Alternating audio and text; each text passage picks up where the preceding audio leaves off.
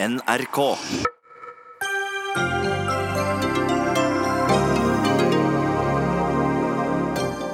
Amazonas brenner. Regjeringa må glemme regjeringskrisen og konsentrere seg om viktigere ting, mener SVs Audun Lysbakken, som møter klimaminister Ola Elvestuen.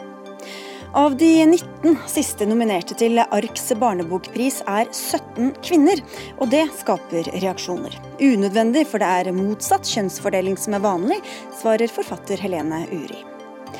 Enova gir 2,3 milliarder kroner i støtte, sånn at Equinor kan bygge vindmøller til havs.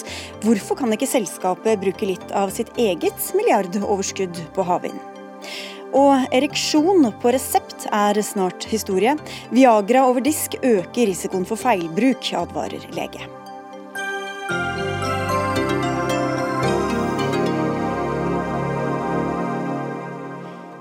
Vel møtt til ukas siste Dagsnytt 18 i NRK P2 og NRK2. Jeg heter Sigrid Solund.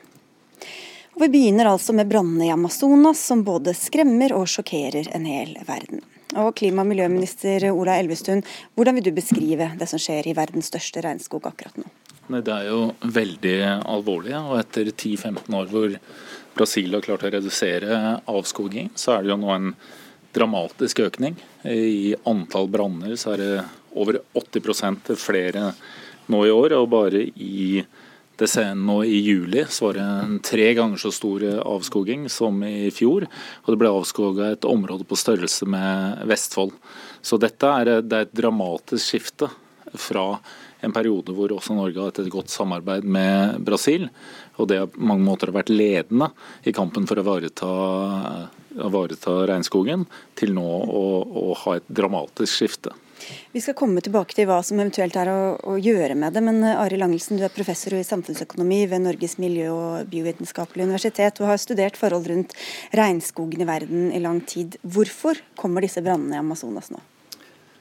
Ja, For det første så må vi spørre hvorfor brukes brann for å rydde skog. og Det enkle svaret er at det er en veldig effektiv og det er en veldig billig måte å rydde skog og rydde jordbruksland for å plante, for å dyrke soya, skape beiteland. Så i det du sier, så er det dette er påsatte branner, rett og slett? Ja, det aller meste er påsatt opprinnelig, men så har du veldig mange branner som løper løpsk, som eh, altså Hvis du ønsker å rydde et, et bestemt område, en par-tre hektar, så har du ikke kontroll over det, og så sprer det seg videre.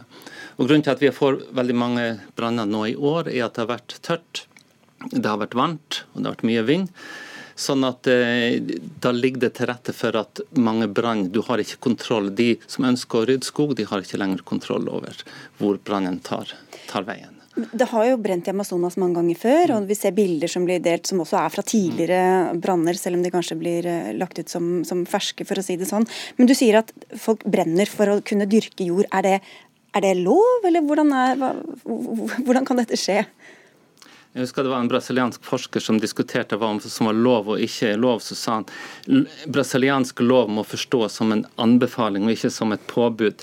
Nå har en president som har gjort at de påbudene som er, og i mange områder er det ikke lov å bruke brann, eller du, hvis du gjør det, så skal du ha brannsikringstiltak, f.eks. og rydde eh, rundt det området du skal brenne, sånn at den ikke sprer seg.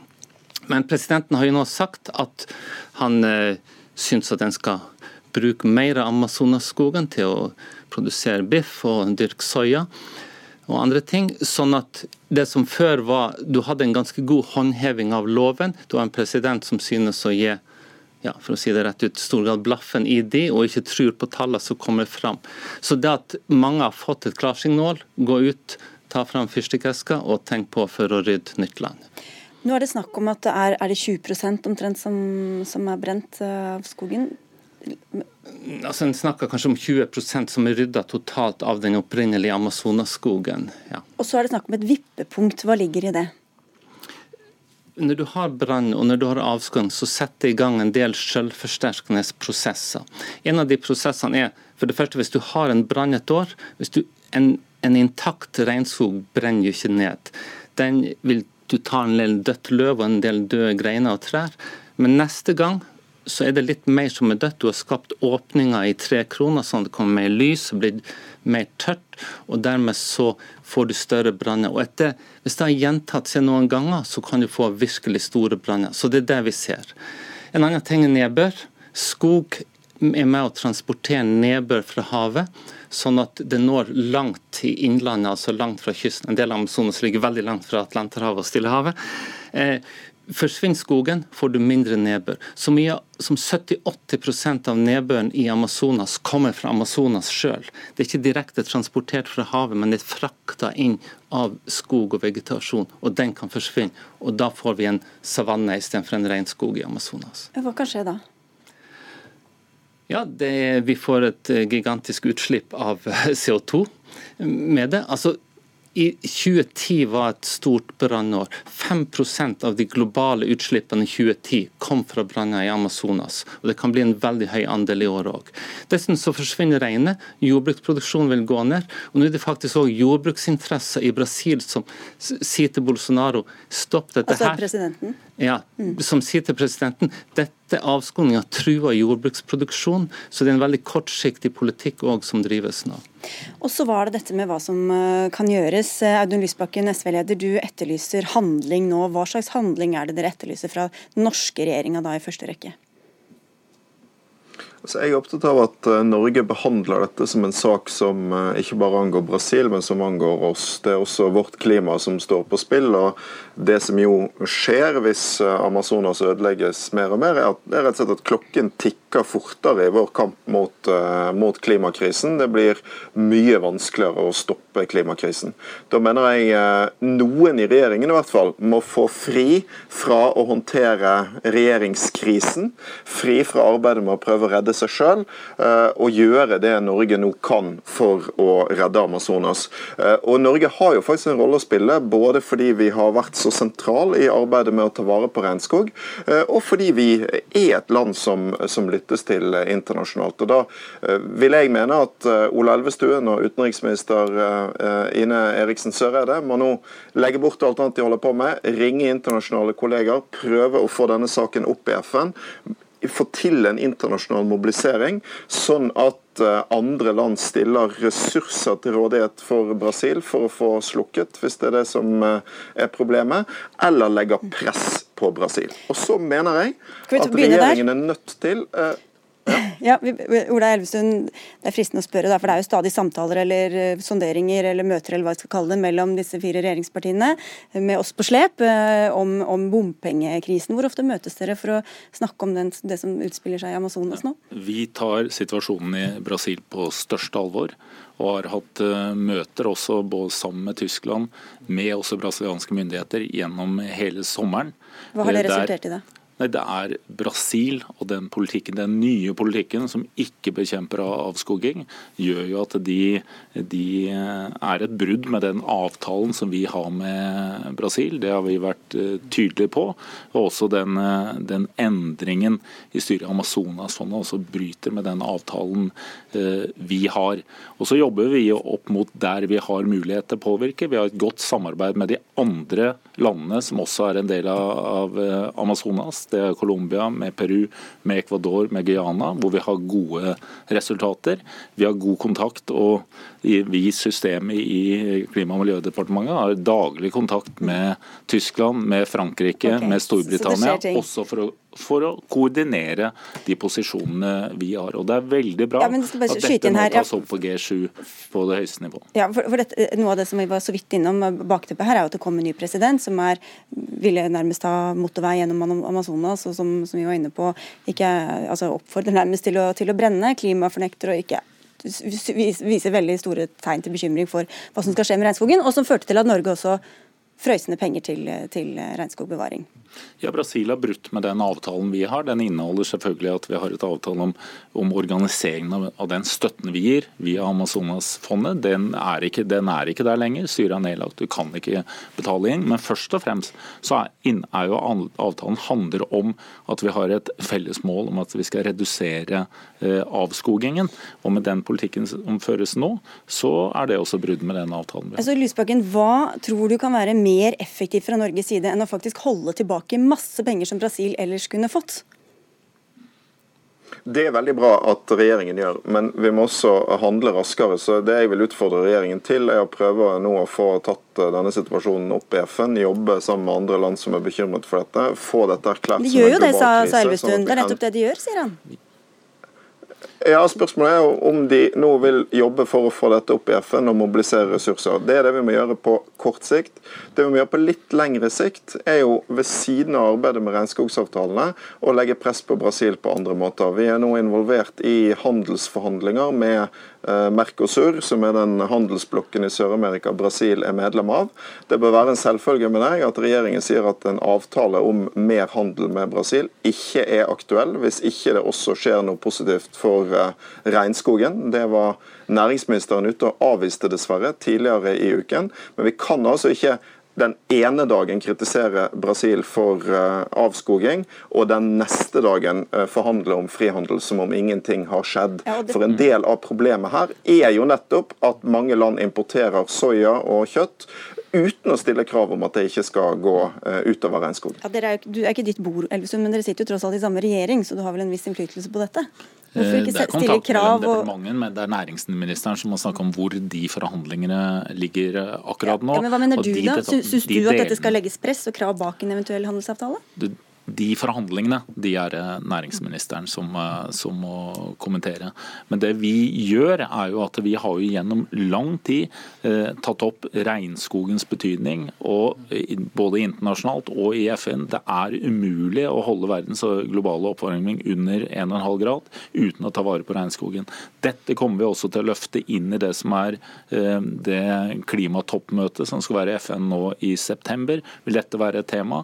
Og vi har selvfølgelig koordinere oss selv også med våre samarbeidspartnere, Tyskland, Frankrike. Nå får vi se hvilke initiativ som kommer ut av G7-møtet nå i helgen, og så må vi se på hva er mulig. Vi jobber også med det som er det langsiktige. Vi har, vi har selvfølgelig kontakt med noen av de, og samarbeider med noen av de største bedriftene innenfor mat og, rå, og råvareimport, om hvordan de også skal lage Eh, avskogingsfrie verdikjeder, sånn at vi kan påvirke også den veien. Det vil ikke gjelde bare Brasil, det gjelder jo alle skogland. Angelsen, hva tror du, hva kan, hva kan gjøres? Eh, altså de Handelsavtalen har jo vært en debatt om en skal koble det, og det er en viss åpning for å knytte til bærekraftsmål. Eh, så spørs det hvor langt eh, Brasil er villig til å godta det, selvsagt. Men, men, jeg tror hvis mange land går sammen, så det er også snakk om at Kina kanskje ønsker å legge mer press på for å få en grønnere handel. Og veldig mange store selskap har jo det som heter New York Declaration on Forest fra 2014, sagt at de ønsker det. og og, både palmeolje og soyaprodusenter, hvor en har system for at dette skal komme fra områder som ikke har vært nylig blitt avskoga. Så jeg tror gjennom handel er en, en, vei, og det vil være et språk som også Brasil og Brasils president forstår. Ja, Lysbakken, det, det, var jo eh, det ene forslaget ditt, men dette andre om at det skal være en FN-erklæring om global krise, hvordan kan det slukke brannene i Amazonas?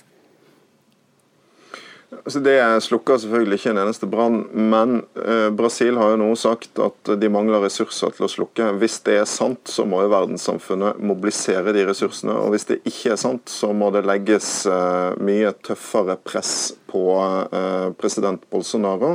Derfor mener jeg at Norge, på samme måte som Frankrike har gjort, må gå tøft ut. Og vi må kreve at dette kommer på dagsordenen i FN.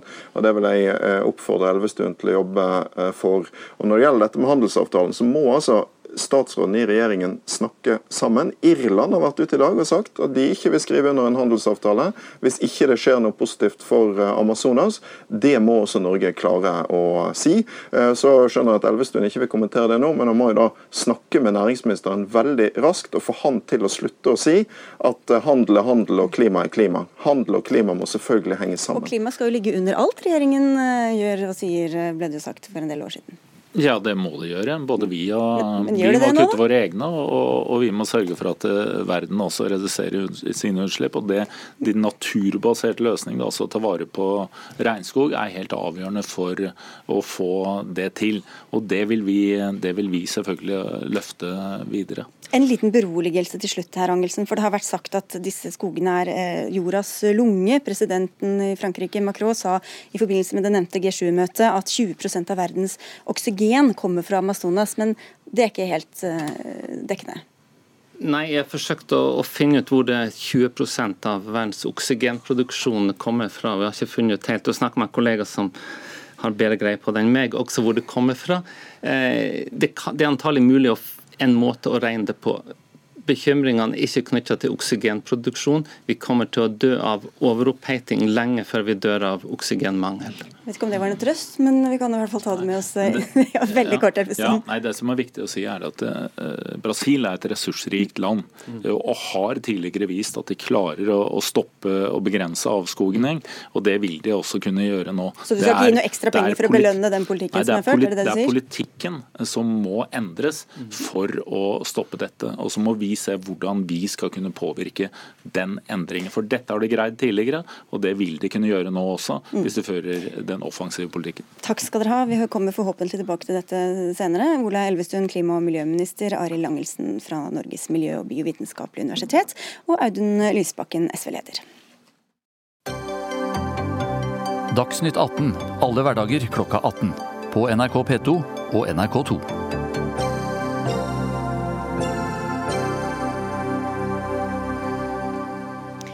19 forfattere har vært nominert til bokhandlerkjeden Arks barnebokpris de siste årene. 17 av dem er kvinner.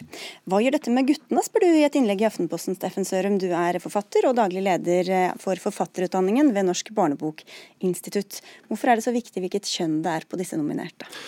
Det, kan jo begynne der med at uh, gutter foretrekker å lese om gutter. Um, og jeg har jo valgt å se på de siste fire årene uh, som Eh, Helene har reagert på. At jeg ikke kanskje er så flink å telle, at jeg ikke kan telle lenger til fire. Men det var et poeng. Eh, I min kronikk så var jeg interessert i å se på hva eh, de som på en måte leser nå, altså 9-13-åringene, hva de på en måte får tilbudt. da.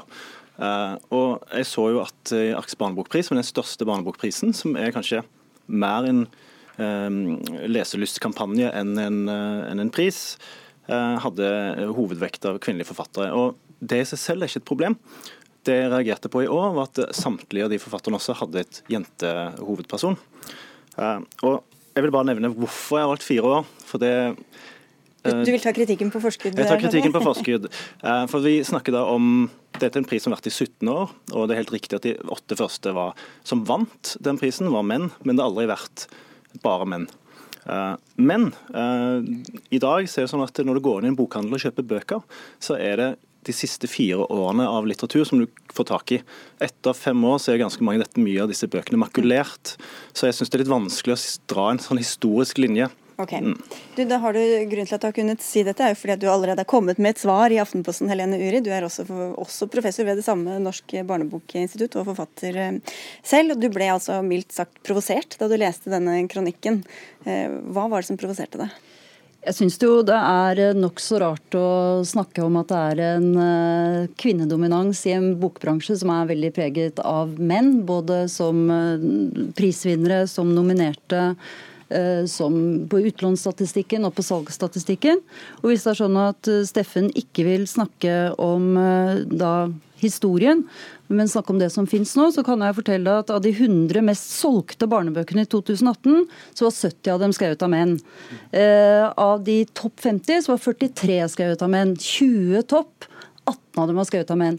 Så jeg har litt problemer med å se denne, dette skriket etter uh, mangel på menn. Jeg ser ikke det i det hele tatt. Jeg vil bare nevne også at vi selvsagt har invitert ARK til Dagsnytt 18 i dag, men de ville rett og slett ikke diskutere dette. Men til dette da, altså Du sier at det ville vakt sterke reaksjoner dersom vektingen var motsatt vei. Men det er jo dette som er motsatt ja. vei, sier Helene Uri. Ja, men det hadde de gjort, og det gjorde det også i 2015, når det var kun en kvinnelig forfatter som var nominert. Uh, uh, Helene viser jo til biblioteksutlånslisten av de 100 mest lånte bøkene på barn og ungdom. Uh, og jeg har jo også lest... Ja, altså, bare... Men du har også vist til ja. utlåns. Og, og, jeg må bare si at de første syv det er jo eh, Kasu sin uh, 'Amuletten', tegneserie, med en kvinnelig hovedperson. Uh, nedover listen så får du Jørn Lier Horst sin 'Detektivbyrå nummer to'. og Der er det jo både gutt og jente med. Uh, så det er så, ikke sånn som du sa da, at kvinner skriver om kvinner, og, eller jenter, og at menn nei, skriver om gutter? Men vent litt. For Hvis du skal finne da en norsk mannlig forfatter som skriver med et gutteperspektiv, så må vi helt ned til 58.-plass. Da er det Marius Molaug som skriver om verdens verste fotballklubb. Uh, forut for det så er det ingen norske forfattere som har skrevet med et gutteperspektiv eller en guttehovedperson. Nå, nå, snakker vi jo både om kjønnet på forfatteren og kjønnet på mm. hovedpersonen. Det blir litt rotete, men for å da eh, hake meg fast i det du sa, så er det sånn på den utlånsstatistikken hvor jeg har sett på de 100 mest utlånte barne- og ungdomsbøkene i 2018 eh, på norske bibliotek, så er det altså da nesten dobbelt så mange guttehovedpersoner som jentehovedpersoner i de eh, bøkene. Så igjen, jeg har veldig store problemer med å se at det er Men Hvordan kan dere ha så forskjellig vekting eller så forskjellige tall? Eh? De, hvis vi holder oss til hovedpersonen eller karakter, mm. hovedkarakterene i bøkene, hvor har du, du, du, viser da til utlån på, på, bibliotekene og til de mest solgte. Og så hadde du en liste som sa noe litt annet. Nei, Det var samme listen. Men jeg, i min kronikk altså jeg, Helene har jo reagert på at jeg ikke er så flink til å telle, men jeg syns hun burde lese litt bedre hva jeg har skrevet. For jeg er veldig opptatt av eh, hvem som blir skrevet om, altså hovedpersonen. Det var det jeg reagerte mest på. Jeg skrev også i min kronikk at, at, at du kan ha fem kvinnelige forfattere nominert. Det er ikke der problemet, problemet lå. Uh, og det er der egentlig debatten er for min del. Uh, vi kan gjerne ta en historisk, og det gjør Helene. Hun går tilbake til 1900-tallet for å ta av 5000 bøker. Men jeg syns det er litt rart, fordi i dag, hvis vi skal snakke om de som er 9-13 år i dag, altså de siste fire årene, det er de leste den lesegruppen som vi kaller bokslukerne i den perioden disse bokslukerne, før de skal begynne på ungdomsskolen, så har de eh, knapt fått en eneste mannlig, altså mannlig nominert i den uh, ARKS-prisen. Altså, nå snakker du om forfattere igjen. Vi skal jo ikke lenger tilbake enn til 2015. altså Hvis du hadde sett på fem år i stedet for fire, mm. så var det jo fire nominerte menn og én kvinne til ARKs barnebokpris. Så... Ja, men jeg hadde, jeg hadde valgt 9 til 13, som er da bokslukeralderen. Eh, og andre grunnen til det er at denne aldersgruppen, det er da guttene faller fra. Eh, vi ser at de faller av lesning. Og eh, hvorfor er det så viktig at gutter får bøker skrevet av mannlige forfattere? Det, de skal helst ha begge deler, og det, og, men hvis vi ser at de faller av fordi det mangler interesse for de bøkene som tilbys dem, så er det også et varselsignal på at noe er feil. Jeg reagerer jo på at, at det er såpass få som tar tak i at gutter leser så lite. Anne Svingen er en av de mannlige forfatterne som har tatt tak i det, hatt en egen guttefestival. Men disse guttene skal også begynne på ungdomsskolen neste år. Eh, og Herfra og ut så ser det ut som at veldig mange av disse både dropper ut av skolen og gjør det dårligere, ikke tar høyere utdannelse. Det er liksom det viktigste her. Eh, og Når vi ser på den Arks barnebokpris sin eh, nominasjon, så var i fjor så var det da en bok, boken som vant, var 'Nordlys' av Malin Falk, som en tegneserie. Uh, ifølge ARK, Grunnen til den vant, var at guttene som valgte den fordi den var lettest å lese, at de ikke hadde lesekompetanse nok til de andre bøkene. For Det sitter jo også gutter i eh, ARKs barnebokjury, vi skal ikke glemme det, heller. Det er barna som velger, eh, som velger Det er barna som velger, men det er barn og voksne som nominerer. Men til dette, du som... Det er ikke helt riktig. ok, Hva er feil ved det? Nei, altså, Det har ikke ARK svart på hva det er. Det vi vet, at det er en gutt og en jente av barn, og resten er da ansatte i ARK. og Der er det kun kvinner så vidt vi har sett, som kan sitte der. Okay, men, men, ikke kun kvinner, det varierer fra år til år. Men mm. Helene Uri, er du bekymra over at gutter ikke får nok eh, guttemodeller å lese om eh, i de bøkene som faktisk er til salg, salgs og er i bibliotekene nå? Nei, når jeg fortalte deg at de 100 mest solgte barnebøkene, så er 70 av dem skrevet av menn, og hvor, hvor det er en miks av mannlige eller jentehovedpersoner og guttehovedpersoner, så er jo ikke jeg bekymret for det. Men jeg vil jo selvfølgelig, i likhet med Steffen Sørum, ha en mangfoldig barnelitteratur hvor det er gjenkjennelse for både alle kjønn og etnisiteter og seksuell legning og alt mulig. Selvfølgelig vil jeg det. Og så tror jeg det er veldig viktig å ikke se seg blind på at gutter ikke vil Altså den ideen om at gutter ikke vil lese kvinnelige forfattere eller lese om jenter, jeg syns det er veldig veldig rart og gammeldags. Ja, er det gitt jeg, at man bare kjenner seg igjen i sitt eget kjønn? Nei, uh, det er ikke så svart-hvitt. Det er veldig mange gutter som absolutt leser bøker der det er både kvinnelig forfatter og kvinnelig hovedperson. Og, men jeg vil gjerne ha en bevisstgjøring rundt representasjon, eh, både av kjønn, som plutselig var veldig vanskelig å snakke om, men dette bør oss videre også til etnisk bakgrunn og legning. Jeg syns vi skal representere den verden vi lever i. Ja, det syns jeg også. Og da er det jo litt påfallende at av norske litteraturpriser så har 70% gått til mannlige prisvinnere. Det er voksenpriser? Det er voksenpriser. Nei, dette er barne- og ungdomspriser. og Bl.a. U-prisen er jo gått til tre fjerdedeler gått til mannlige forfattere, og bare da 25% til kvinnelige forfattere. Så det er, det er, ikke så veldig synd på menn i norsk bokbransje, altså. Det er ikke det. De er overrepresentert på absolutt alle plan, sånn er det. Men, og jeg har jo tro på at gutter i norsk skole klarer å lese bøker med jentehovedpersoner og kjenne seg igjen. Akkurat som jeg kjenner meg igjen når en mannlig forfatter som Roy Jacobsen skriver om manneskikkelser, så klarer jeg å kjenne meg igjen som menneske. og Sånn tror jeg det er for norske skolegutter også. Litt av problemet er jo at i, i min jobb så er det veldig mange henvendelser fra både lærere og bibliotekar bibliotekarer som sliter med å finne bøker som gutter skal lese mellom 9 til 13, og de finner ikke bøkene. Eh, det som er litt av problemet er at De bøkene som de kan velge, guttene vil ha, det er Pingles dagbok, Kaptein Supertruse og Gutta i trehytta, som har masse humor, masse illustrasjoner, veldig lite tekst. Og Der ligger litt av problemet, at guttene faller av også i lesekompetanse. Vi får bare oppfordre alle til å låne og kjøpe, og alle som har små barn eller små barnebarn kjenner seg sikkert igjen i mange av titlene her. Takk skal dere ha begge to for at dere kom til Dagsnytt 18, Helene Uri og til deg, Steffen Sørum.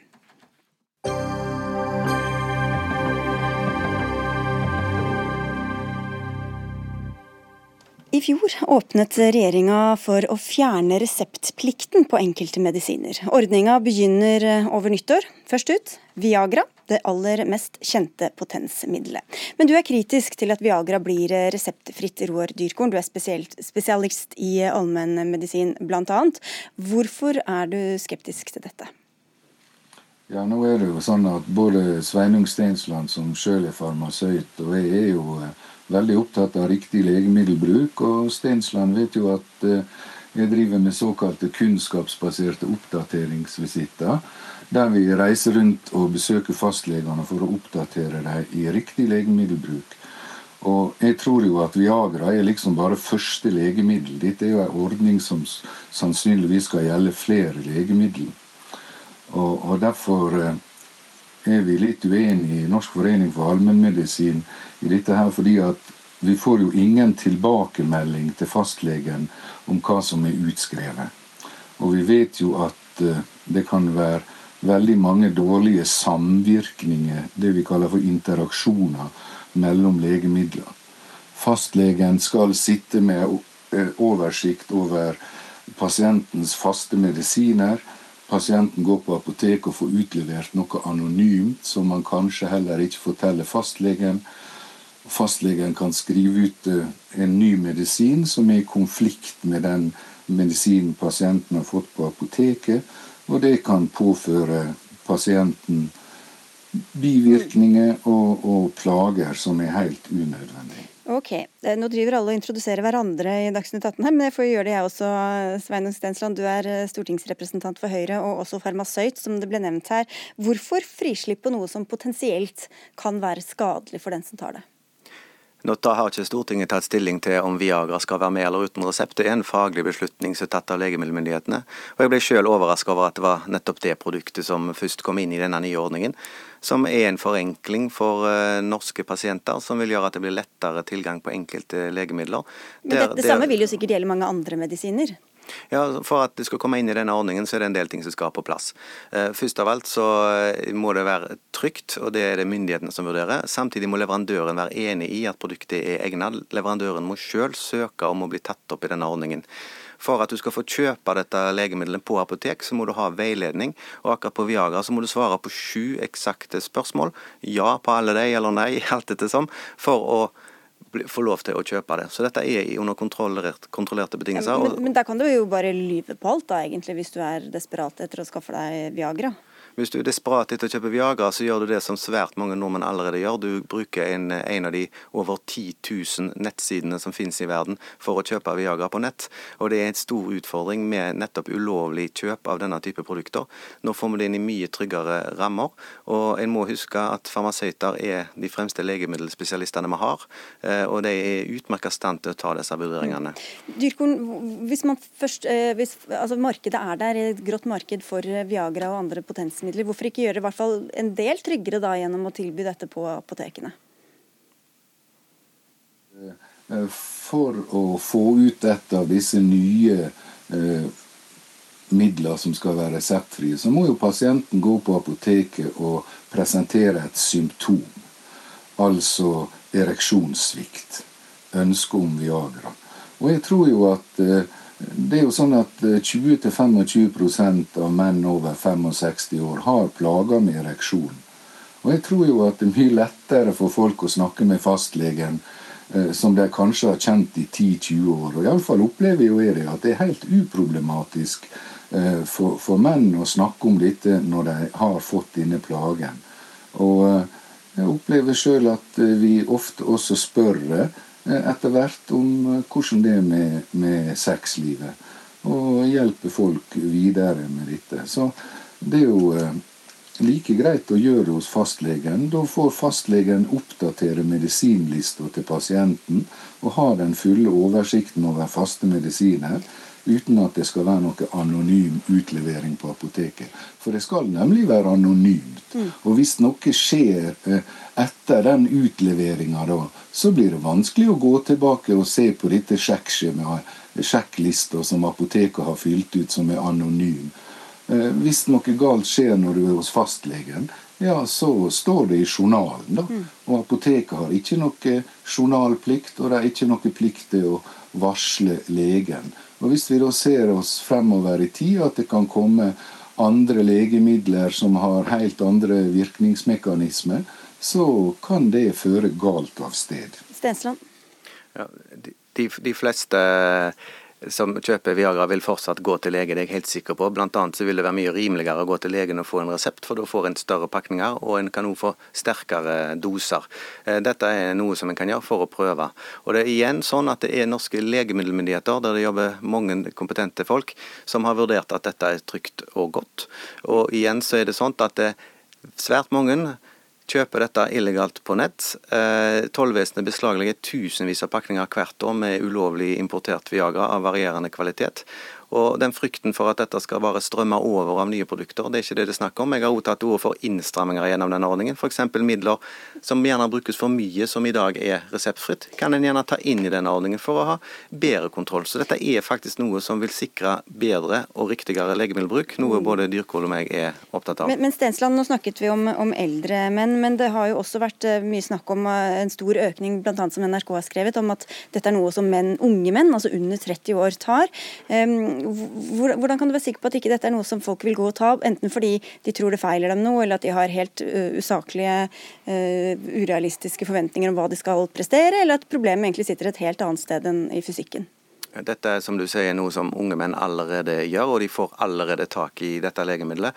Og Min kjennskap til apotekbransjen den er sånn at dette vil disse gjøre på største alvor. Og det er ikke sånn at dette kommer til å flytte helt fritt. Og jeg må huske at eh, farmasøyter er helsepersonell med en tung eh, utdannelse innenfor legemiddelbruk, og de vil luke ut den type type tilfeller, på samme måte som en fastlege kan gjøre det.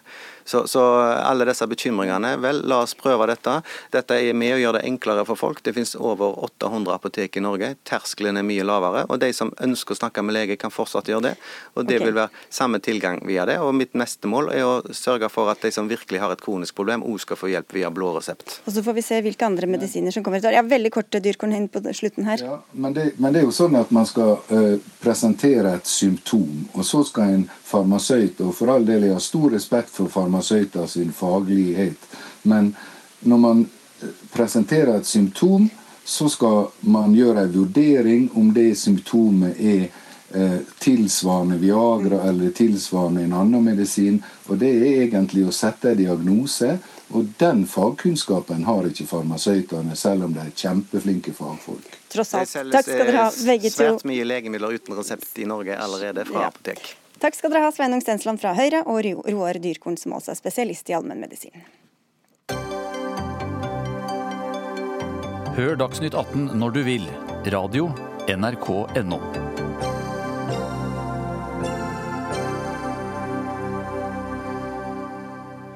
Snart spør vi om en ny ordning fra Kulturrådet vil innebære den sikre død for flere norske tidsskrifter, men først til litt større summer.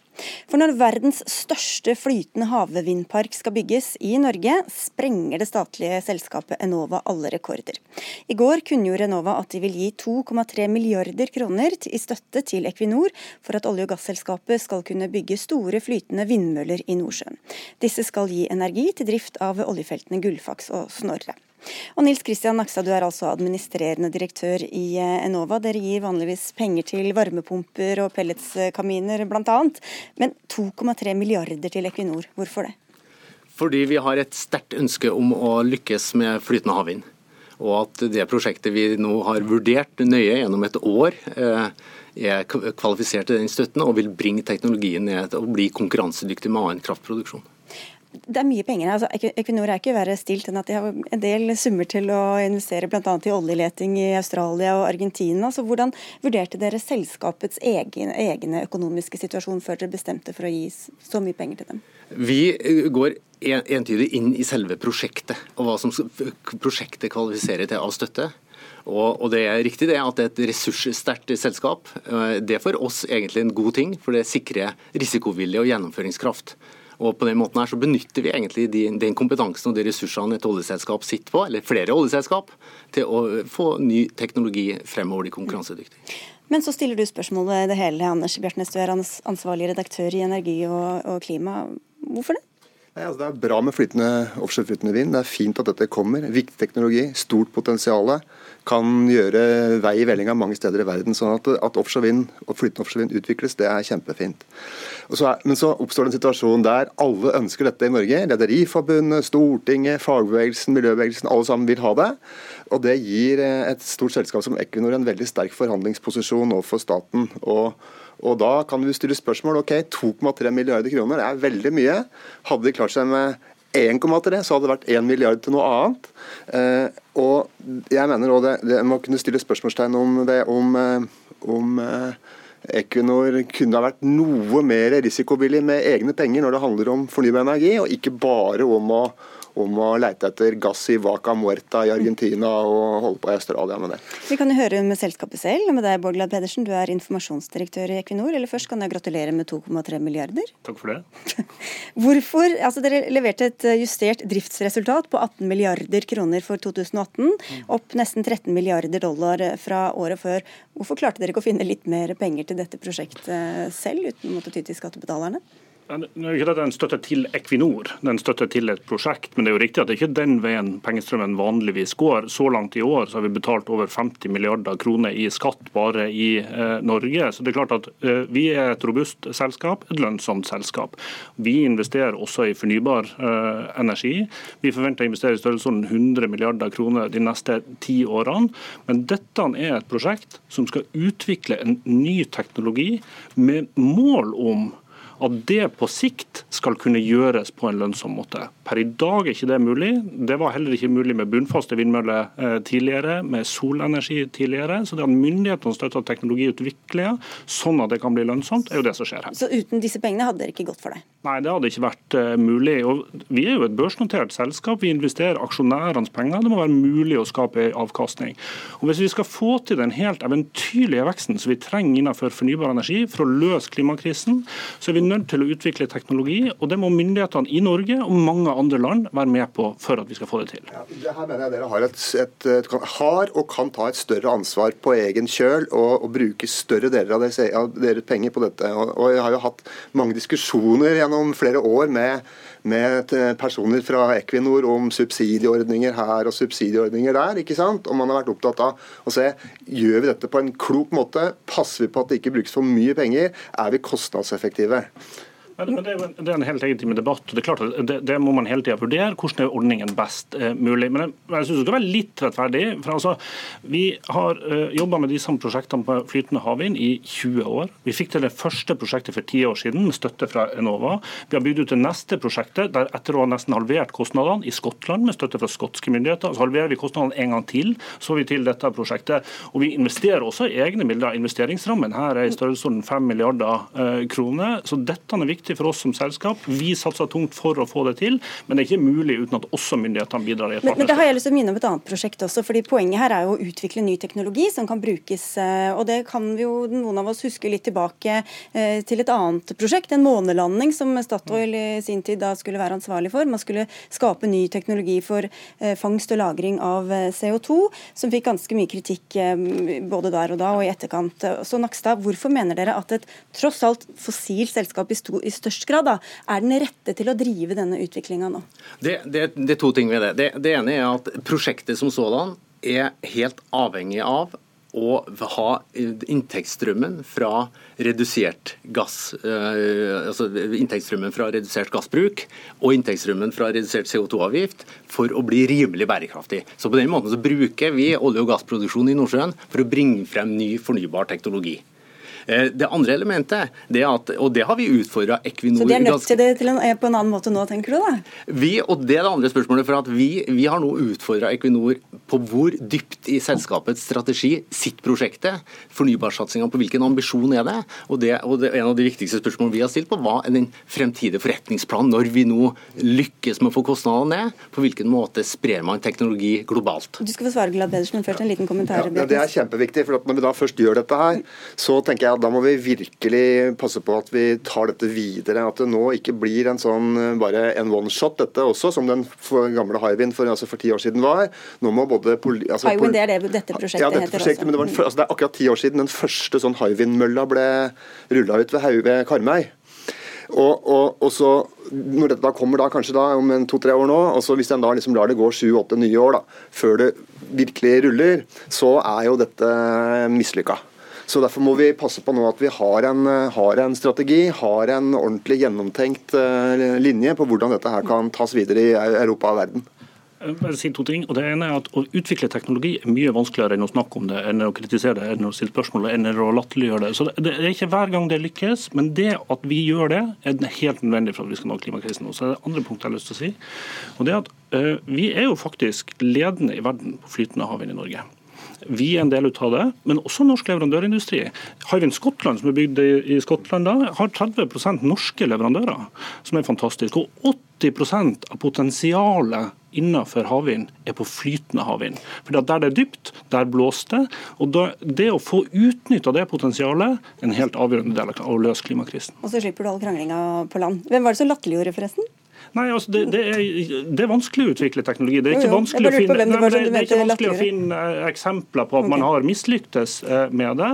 Men vi er nødt til å knekke teknologikoder eh, både innenfor fornybar energi, innenfor CCS, som vi var inne på, karbonfangst og, og lagring. og Alt dette kommer til å være en nødvendig del av, av løsninga på klimautfordringene. Silje Ask Lundberg, du er leder av Naturvernforbundet og satt her for noen uker siden og var halvveis kritisk til, til vindkraft på land og snakket veldig positivt om havvind, så her er det vel hipp hurra fra dere, eller hvordan er det?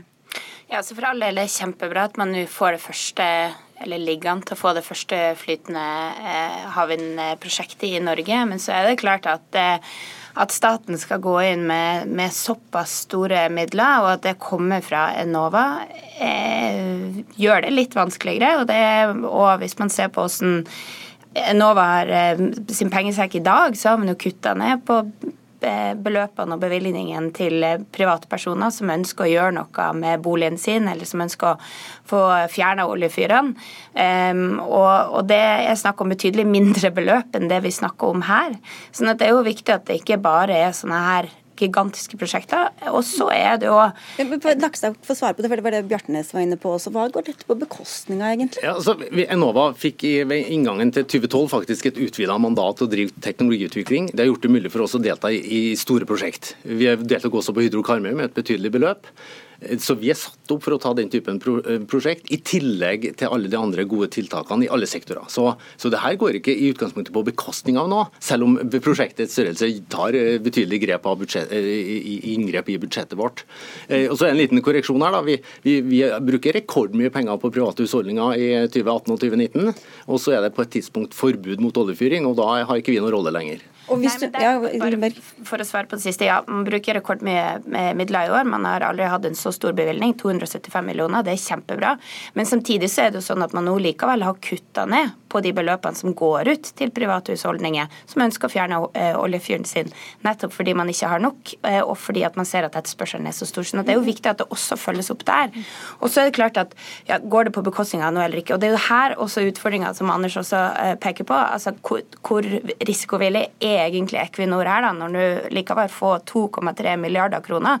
Så kan man si at ja, det går ikke på bekostning av noe, men det, det gjør på en måte det. Eh, altså Hadde det vært 1,3 milliarder istedenfor, og den eh, andre milliarden kunne ha gått til et annet teknologiprosjekt, okay, så er det jo klart at det gjør det. Da går vi litt i sirkel, men, men dette skal altså gå til å drifte ø, olje- og gasshenting, Lundberg. Hva, hva sier du til det?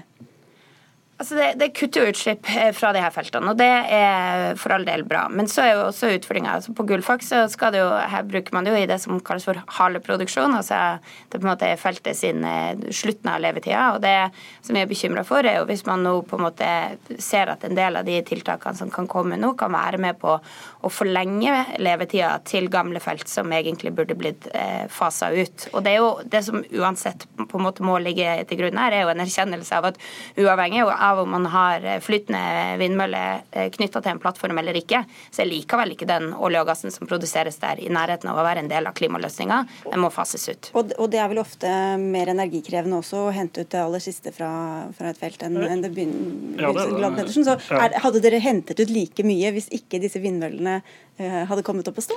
Ja, altså det, det, gjør vi jo, og vi jobber jo hele tida med å, å, å, hente ut så mye som vi kan fra de feltene vi har. Det er jo god både samfunnsøkonomi og god energieffektivitet, og myndigheter er også opptatt av at vi skal uh, få til det. Men dette prosjektet det reduserer uh, utslippene på norsk sokkel med ca. 200 000 tonn. Det er uh, ca.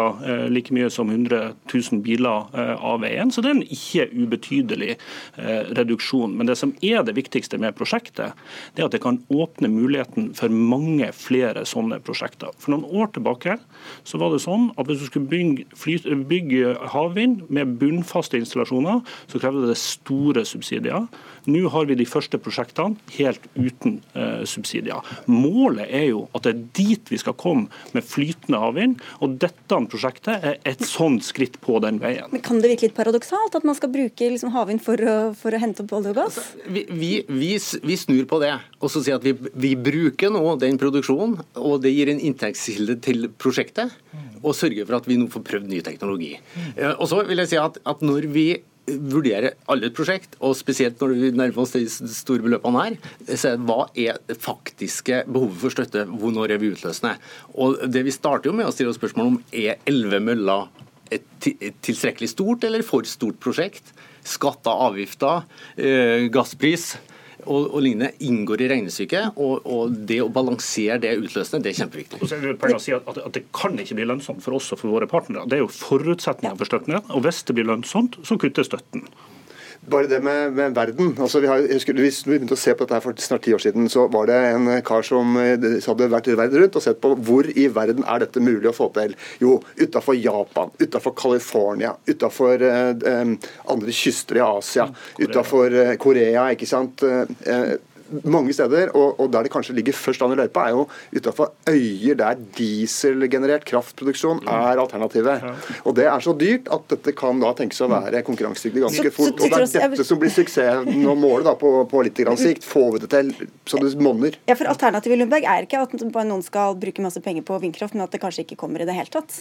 Ja, absolutt. og den, altså For all del, teknologiutviklinga her er kjempeviktig, og det blir spennende å se hvordan det her kommer til å skje. Men så er det jo også viktig å si at noe av det som ligger til grunn for de her beregningene, og hvorfor eh, Equinor må ha så vanvittig mye støtte òg, er jo på en måte hvordan, hva det koster i dag å forurense. Eh, og Det er jo det også som er utfordringa. Hadde det vært en høyere CO2-avgift, altså den prisen som Equinor måtte ha betalt for å forurense ved å bruke de gassturbinene som de i dag har om bord på, på, plattformene sine, eh, så er det klart at da ville også det støttebeløpet vært lavere. Sånn at det er jo noe annet. At, at på en måte vilja til å faktisk gjøre det som trengs, er jo ikke i nærheten av å være. Man nikker to av tre i studio, dere kan gjette hvem det var. Nei, jeg nikker også, for det er en høy pris på CO2, en helt avgjørende del av klimapolitikken. Vi betaler jo verdens høyeste pris eh, i Norge. Vi betaler en stadig høyere kvotepris eh, i, i Europa. Det er positivt, det bidrar til prosjektøkonomien, og det burde vi hatt mer av globalt. Okay, men, vi kan, ja. Veldig, veldig kort, Lundberg. Vi, vi kan ikke fortsette å bare sammenligne oss med andre land, og at vi dermed er best i verden, fordi ingen i verden er god nok. Ok, Takk skal dere ha alle fire. Nils Kristian Nakstad fra Enova, Anders Bjartnes fra Energi og klima, Bård Glad Pedersen fra Equinor og Siljas Lundberg fra Naturvernforbundet.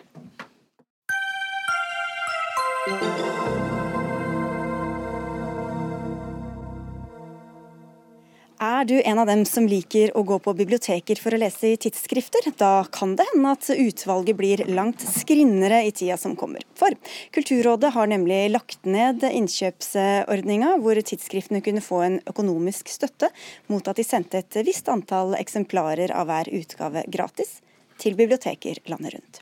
I en ny ordning tilbyr Kulturrådet heller å subsidiere abonnentene eller abonnementene med 75% av ordinær pris. De resterende 25 må bibliotekene selv finansiere. Og dette tror dere blir vanskelig, Mariann Skeide i Norsk bibliotekforening. Du sier til Klassekampen at det er urealistisk. Hvorfor det? Fordi at det, eh, Når biblioteket i dag betaler 25% så eh, Eller når de skal betale 25 mm. så går det fra å betale ingenting til å betale noe. Eh, og vi vet at det med den skal vi si, offentlige armoden som er, med mediebudsjett som går bare ned og ned, så er er det noe, da, noe annet som må ut. Og Da må en ta noen valg. Um, og så vet vi det at uh, tidsskrifter som Lyrikken og som Dramatikken de trenger ekstra push og ekstra drahjelp. Uh, det er litt vanskelig å måle bruken av det, for det er en bruk som gjerne ofte skjer på stedet i biblioteket. Og Da må en ta noen, uh, noen råvalg, og da blir noe skadelidende. Og da er det veldig sannsynlig at det blir tidsskrifter. Så hvorfor har dere falt ned på dette, Tone Hansen? Du er altså rådsleder for Norsk kulturråd. Ja, nå er det jo sånn at Vi har gjort en stor utredning som het Kulturtidsskriftene i fjor som eh, så på hele eh, tilskuddsfeltet for eh, norske tidsskrifter. Og Det er jo sånn at det vi ser er jo at tidsskriftene har falt fullstendig mellom to stoler, mellom mediepolitikken og litteraturpolitikken. Sånn at vi har veldig lite Det har vært veldig lite engasjement både fra Mediemangfoldsutvalget og fra kulturmeldinga på hvordan man skal støtte tidsskrift i det hele tatt og plassere dem. Og Det er jo Kulturrådets ansvar å sørge for at vi har en politikk og en fordeling som er up to date. Så det var et foreldet system? Ja, men, dette her er en 30 år gammel ordning som gjaldt 14 magasiner. Ja, du, Nei, det stemmer ikke. Nei, ok, Da kan vi introdusere deg først som sist, eh, Bente Riise. Du er generalsekretær i Norsk Tidsskriftforening. Ja, nei, altså De andre innkjøpsordningene er sikkert så gamle, men denne eh, innkjøpsordninga for tidsskrift den har bare vært tre-fire-fem år. Sånn at det er en ganske ny ordning. Og um, kom inn som svar på at uh, tidsskrifta måtte mer ut. Hvis vi glemmer litt hvor gammel den er, eller om det var behov for en ny eller ikke, hva er problemet med den nye ordninga sett fra deres ståsted? Eh, vi er enig med Norsk bibliotekforening at dette blir veldig bingolotto. Eh, det er sånn at vi veit ikke hvor mange tidsskrift som kan få innkjøp. Vi veit ikke hvor mange bibliotek som kan få det. Så vi vet ikke hvor, stort, hvor store rammene er. Og vi er redde for at uh, bibliotekene ikke ser seg råd til det, fordi at det er ingen som kan pålegge kommunene eller bibliotekene å kjøpe disse tidsskriftene. Så, så, ordningen blir mer uforutsigbar. Så hvordan skal tidsskriftene da kunne måte, legge planer eller vite at de har et levebrød om to, tre, fire måneder? Altså, vi, for det første så er det jo veldig mange former for tidsskrifter i Norge. Eh, vi, og Vi finansierer altså 65 ulike typer tidsskrifter, eh, som kan være alt fra nettbasert til, eh, til periodiske magasiner, til, til, ting som kommer oftere ut. Så Vi skal jo dekke, lage en ordning som er sterk nok til å, til å ta et ansvar for et stort mediemangfold i Norge. Og, og, Det tar vi på et stort alvor. og Vi mener at vi har lagd en ordning som er mye mer fleksibel og mer orientert mot hva disse eh, det? Hvordan da? Jo, altså Kulturrådet har jo ansvar for tre ting, egentlig. Vi har ansvar for leseren, for at, at noe når en leser. altså Et publikum skal jo lese. Og Der er vi helt avhengig av bibliotekene. Og de må jo selv vite og kjenne sine lesere, sine interessenter. Så her har jo bibliotekene mulighet til å se på andre magasiner enn de kanskje har hatt før på sine ordninger. Og vi kan få en annen dynamikk. Det For det er jo sånn at verden forandrer seg, og det gjør magasinene også. Ja, så spiller det over til bibliotekene. da. Nå kan dere selv se an hva, som, hva det er interesse for på deres bibliotek, i stedet for å på en måte være at det er tidsskriftene jo, som skal bestemme altså, hva som skal være der. Ja, men du kan ikke sammenligne denne her innkjøpsordninga her med vanlig skjønnlitteratur eller faglitteratur. For det er helt riktig som du sier, Tone Hansen, at det, eh, tidsskrifter faller mellom to stoler. Det er ikke skjønn eller faglitteratur. Det er ikke uke. Kan ikke gi et eksempel på hva slags tidsskrift det er snakk om? Eh, eh, vinduet, Syn og Sein, Vagant, Norsk Hagetiden, Bonytt. Det er jo dem som går av seg sjøl, ikke sant. Men, men så, har du, så, har du, disse her som er litt smalere, som, som eh, eh Dessverre, når en biblioteksjef skal se på sitt budsjett, så må en ta noen rå valg. Og da frykter jeg, fordi at det Nettopp fordi at den bruken er vanskelig å måle. Da frykter jeg at en god del tidsskrift vil bli valgt vekk, fordi at det eh, eh, det blir såpass eh, spesielt, vil nok sikkert mange si, at de tenker at dette det tar ikke vi inn. Men samtidig så skal vi også som bibliotek, som du sier, vi har et ansvar. Bibliotekene skal stå for uh, aktualitet og all, uh, allsidighet og kvalitet. Vi skal tilby en bredde. og Det syns jo vi er viktig også i et skal vi si, danningsperspektiv, at vi skal tilby den bredden. Men det går så langt når budsjettet fra hvert år går ned og ned, og det etterspørres så mange forskjellige ting. Stoler du ikke på at bibliotekene når de sier at de, de, kommer ikke til å ta seg råd til dette, antagelig? Nei, Det er veldig trist å høre at de ikke kan finansiere 25% altså en fjerdedel av kostnaden på et abonnement. Eh, at de pengene ikke finnes, det syns jeg høres veldig trist ut. Samtidig så er det en mulighet for bibliotekene til selv å styre og si dette vil vi faktisk eh, ha i våre hyller, for dette skal nå vårt publikum. En annen eh, ting er jo at den ordningen sånn som den var, gjorde at magasinene magasinene i, i stor grad sleit med å kunne faktisk oppfylle kravet i forhold til det det kosta å sende 450 magasiner ut. Sånn at, eh, og ordningen krevde også en form for, eh, for eh, rytme som, som, kanskje ikke alle magasiner i dag holder. Så jeg tror vi har lagd en ordning som, som, åpner for en mye større fleksibilitet Men, og en bedre løsning for magasinene. For og så skjønner jeg at bibliotekene sliter økonomisk, og det må jo være et politisk prosjekt å få en løsning på det. Ok, så, men, men, til Tidsskriftsforeningen også. Altså, helt sånn grunnleggende, Hvis det ikke er et marked der, hvorfor skal vi bruke så mye penger på å tilby disse magasinene gratis på, på bibliotekene? Jo, det er et marked, eh, men hele poenget med innkjøpsordninga er å sørge for at det er lik tilgang på litteratur. Enten det er noe skjønn eller sak. Og eh, tidsskrifter er jo, er jo sakprosa. Og inneholder veldig mye spennende stoff om uh, kultur, om samfunn, om politikk i det hele tatt. og, og det må finnes i alle kommuner over hele landet. Ellers blir dette urettferdig. Jeg er redd for at eh, de største bibliotekene i de største byene og de rikeste kommunene, ja, de vil få dette. Men eh, veldig mange eh, kommuner har ikke råd, ser ikke ser råd til det. Kan ikke folk kjøpe det, kjøpe det selv, da? Bestille det?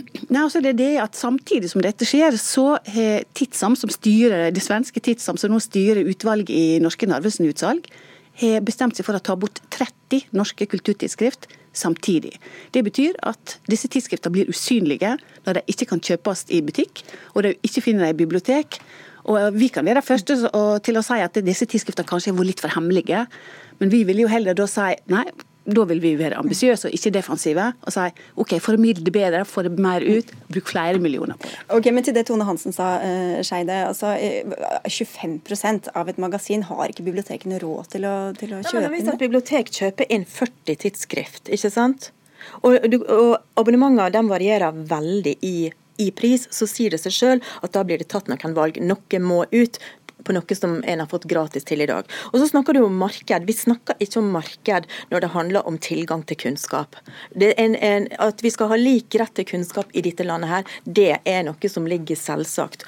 Og så er det slik at det Kjøpe det sjøl? Nei, eh, vi ser ikke på det som eh, aktuelt overhodet. En, en annen ting er at det er veldig vanskelig å få tak i. Men det vi i bibliotekbransjen må være flinkere til, eh, som en av mine kjepphester, det er at tidsskrift er, det må snakkes ut av hyllene. Det må ha hjelp, det må ha et puff, det må formidles og det må gjøres aktuelt. Og det skal lite til. Er du redd for den tidsskriftdøden, da? Jeg tror at vi kommer til å se en tidsskriftsoppblomstring gjennom den ordningen vi har laga nå. Og Det er en grunn til at vi har samla alle tidsskrift inn i én tverrfaglig ordning i Kulturrådet, for å bedre kunne ha oversikt over hva vi faktisk støtter, og se der hvor det trykker aller mest. Og Det som er utrolig bra med Kulturrådet, er jo at vi har jo ikke hugd noen ting i stein. Vi lærer underveis, og vi er jo kjempeglade for den diskusjonen her. fordi vi tar med oss alle diskusjoner inn, og så justerer vi underveis. Det er jo ikke sånn at vi er et sånt eh, kontrollorgan som skal ha det likt hele veien. Og dette er en ny ordning som vi skal tilpasse sånn som vi ser at, eh, at feltet reagerer på det. Så, så hvis så, magasinene dør, så blir det gjort om på? Jeg tror ikke at noen kommer til å dø. Jeg tror kanskje at vi kommer til å se litt annen ordning. Kanskje vil vi se at magasinene vil samarbeide mer, at vi får bedre ordninger. Og jeg må bare si én ting til. Fordi at vi har også bedt staten om 15 eh, millioner ekstra, og vi håper at vi ser i oktober at eh, okay. det blir hørt på. Vi får se hva staten sier. Takk skal dere ha alle tre. Dagsnytt 18 er ved veis ende. Dag Dørum, Lisbeth Sellereite og jeg, Sigrid Solund, ønsker en fin kveld og en god helg.